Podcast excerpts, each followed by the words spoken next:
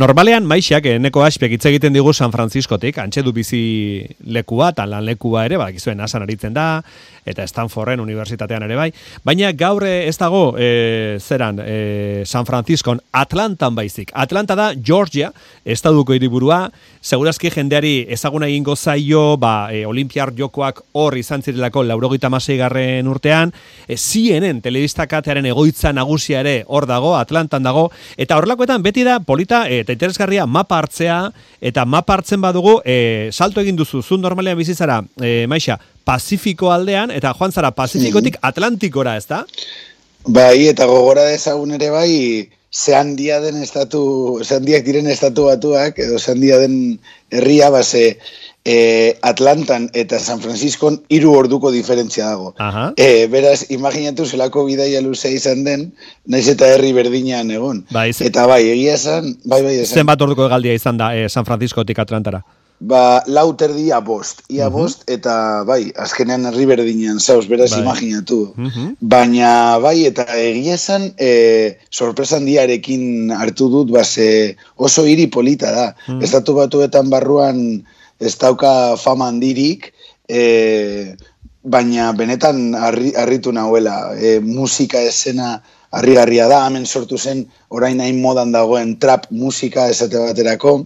E, bai, e, orain, bueno, Euskal Herrian hainbat taldeek egiten dute trap, ba, e, modan dauden e, chill mafia, e, nizuritasuneri, e, gero ere bai Gorpus Kings, mm. ba, musika hemen sortu zen. Trap house, e, izenetik dator, e, e, jauz da etxea eta trap da e, trampa bezala eta e, etxe horietan saltzen zen bai. e, droga.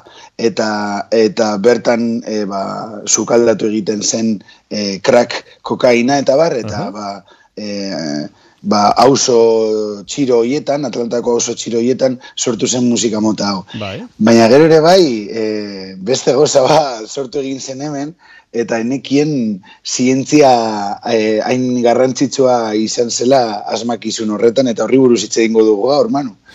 Eh, hain justu, eh, Atlanta da Coca-Colaren hiriburua edo sorlekua, eta gaur Coca-Colaren eh, ikuspegi zientifikoa aztertu nahi diguzu. Ez eh, jakineraziko diguzu Coca-Colaren formula edo? Bai, hori ez dakigu. Oso gutxik dakite. Ondo gordetako sekretua da hori, ez da? Bai, bai, bai, bai, oso oso gutxik dakite, horri buruz ere bai itxengo dugu. Mm -hmm. kontua da, e, formula, edo, bueno, lehenengo formula, guazen esatera, emeretzi garren mendean asmatu egin zela, mila sortxireun talaro gehieta garren urtean, eta zientzialari bat izan zen e, formula hori asmatu zuena, mm kimikari bat, e, e, eta farmazia egiten zuen kimikari bat, gainera, e, doktore bat, eh, John Steve Pemberton, Pemberton doktoreak asmatu zuen eh, hemen, Atlantan, Georgian, estatu batuetan, eta kontua da, eh, garai horretan, eh, estatu horretan, Georgian, ezin zela alkola saldu. Orduan oso modan jarri egin ziren ba, horrelako alkolik gabeko... Freskagarriak edo.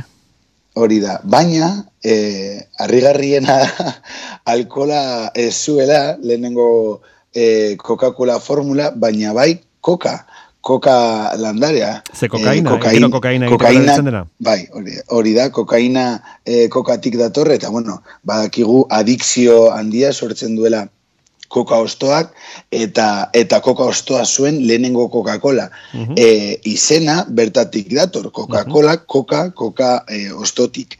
Gero ere bai, e, bueno, beste e, ingrediente batzuk zituen eta e, saltzen zen bakarrik bere e, farmazian, Pemberton doktorearen e, farmazian.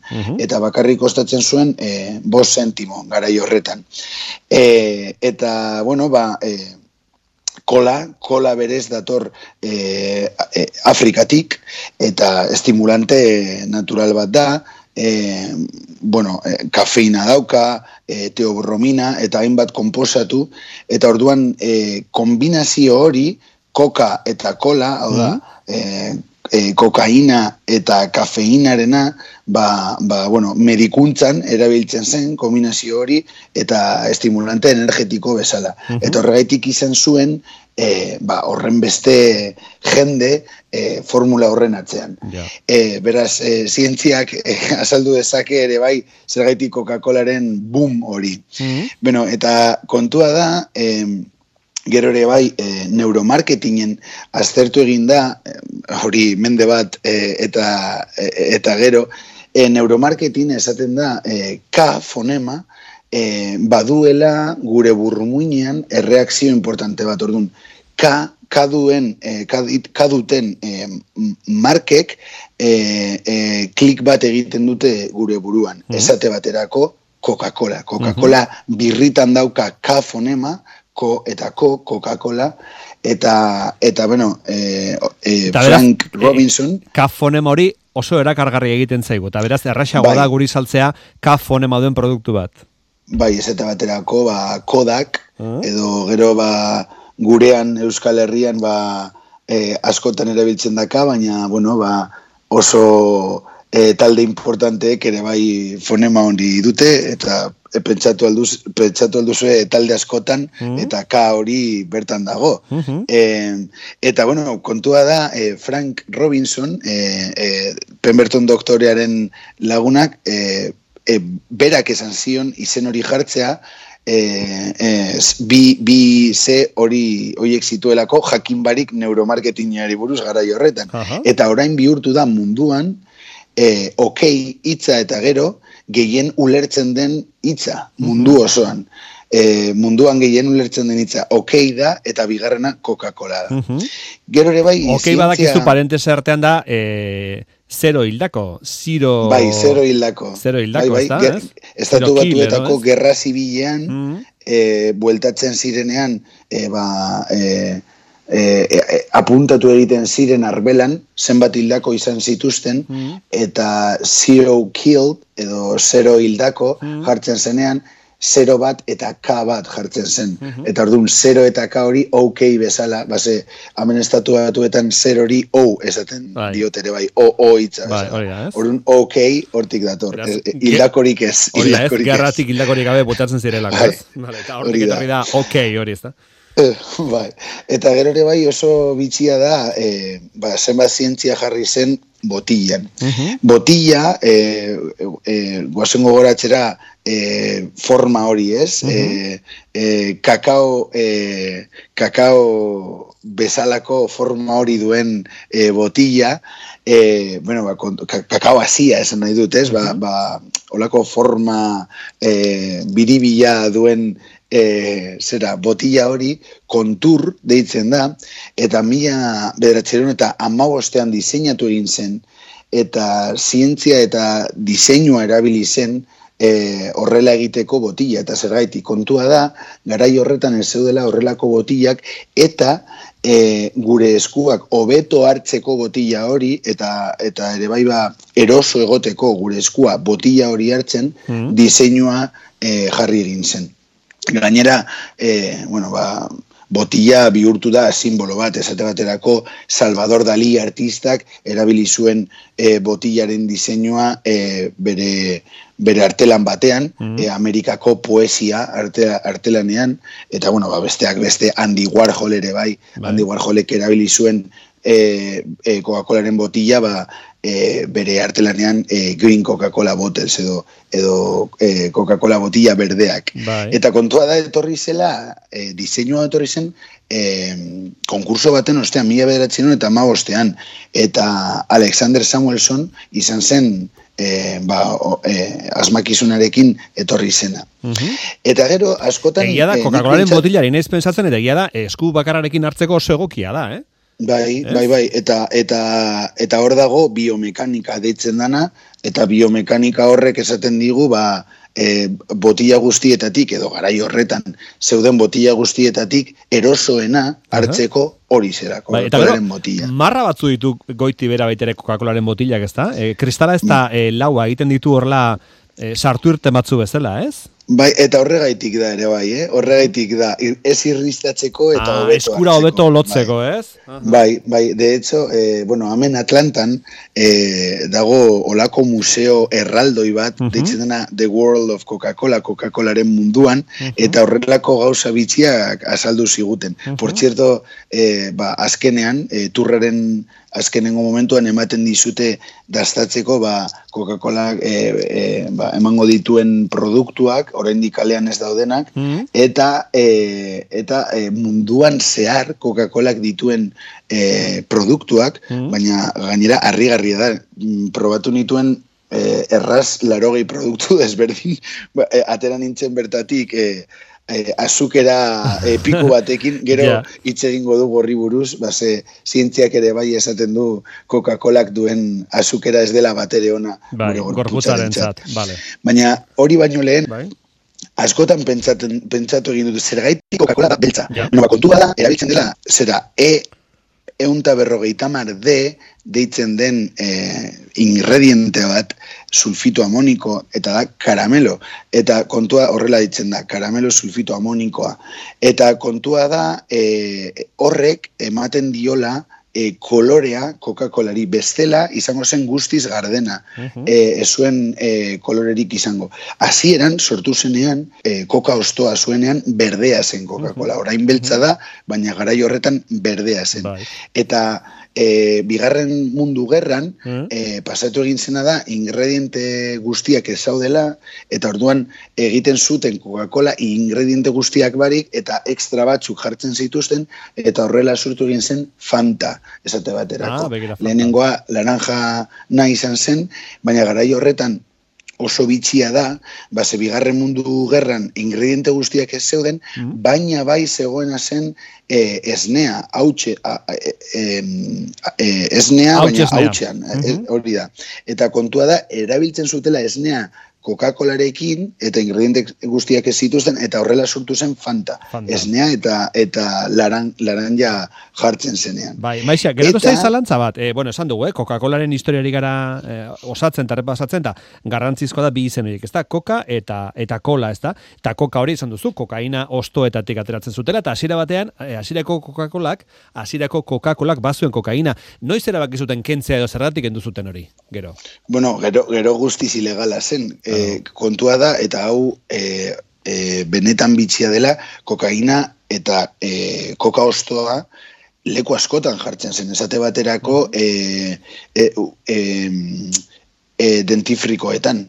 Eta hain, hainbat lekutan ez, ez zekiten eta normal normal iragar, iragarkietan agertzen zen e, kokaina eta koka ostoa. Mm ez, ez, bueno, garai horretan e, adikzioari buruz koka, kokainak ez, eta koka ostoak sortua zuen adikzioari buruz e, etzekitelako baina gero ba logikoki zientziak esan zuen ba, ba adikzioa eta ez, ez zela bat ere ona gure osasunaren txat eta eta ba, bueno, ba, ger, gerostik ja e, ba, debekatu egin zuten. Hori da, kokaina kendu osas... zioten, baina e, kafeina utzi zioten.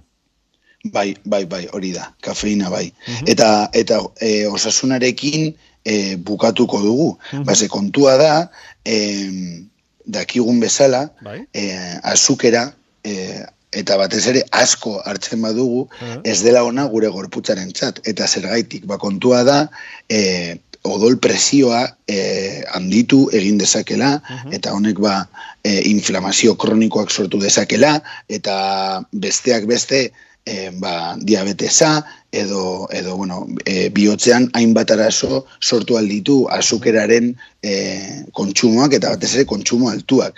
E, kontua da, e, ere bai, e, ba, estudio zientifiko asko asko eta daude ba, ba, obesitatearekin erlazionatuta e, azukeraren e, kontsumoa.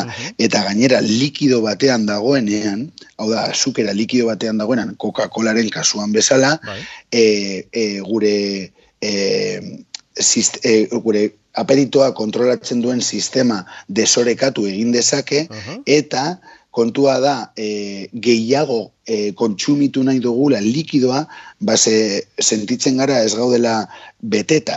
Hau da, azukera kantitate berdinean likido batean eta solido batean ez da berdina, bai. ba solido batean jaten dugunean askoz beteta sentitzen gara bai. likido batekin baino. Ah. Horregaitik, errazagoa da jendearentzat kaloria gehiago kontsumitzea mm.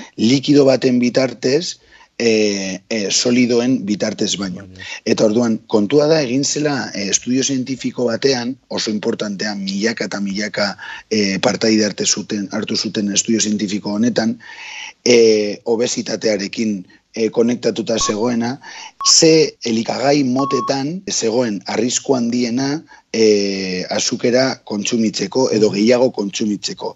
Eta lehenengoa, lehenengoa refreskagarriak ziren. Eta e, ganera, portzentaia izugarria da. Elikagai guztietatik e, euneko berrogeita bia e, e, zera, ba, e, errefreskagarrietatik bai. zetorren, hau da. Beraz, e, maixa, e, errazago asetuko zaitu edo beteko zaitu adibidez pastel batek, Coca-Cola batek, baino. E, Coca-Cola edan da, e, etzara hain azkar beteko, errazago beteko zara pastel batekin adibidez, solido batekin. Hori da, hori da. Eta kontua da, e, gogoratu behar dugula Coca-Cola lata batean, ez dagoela azukera gutxi, hogeita mabost e, gramo daudela, hau da, e, badakizu kafetegietan e, e, ba, kafe batekin normalean jartzen diren azukera koskorroiek edo bai. sobre batean dauden, ba, sobre horiek normalean daukate sortzi gramo. Sortzi gramo. Hau da, bai, Coca-Cola batean lau koma piku e, azukre koskor sartzen ari zara gorputzera. Bai. Beraz, e, azukera kantitatea e, harrigarria da. Eta Coca-Cola berak, ere bai, finantziatu egin zituen hainbat e,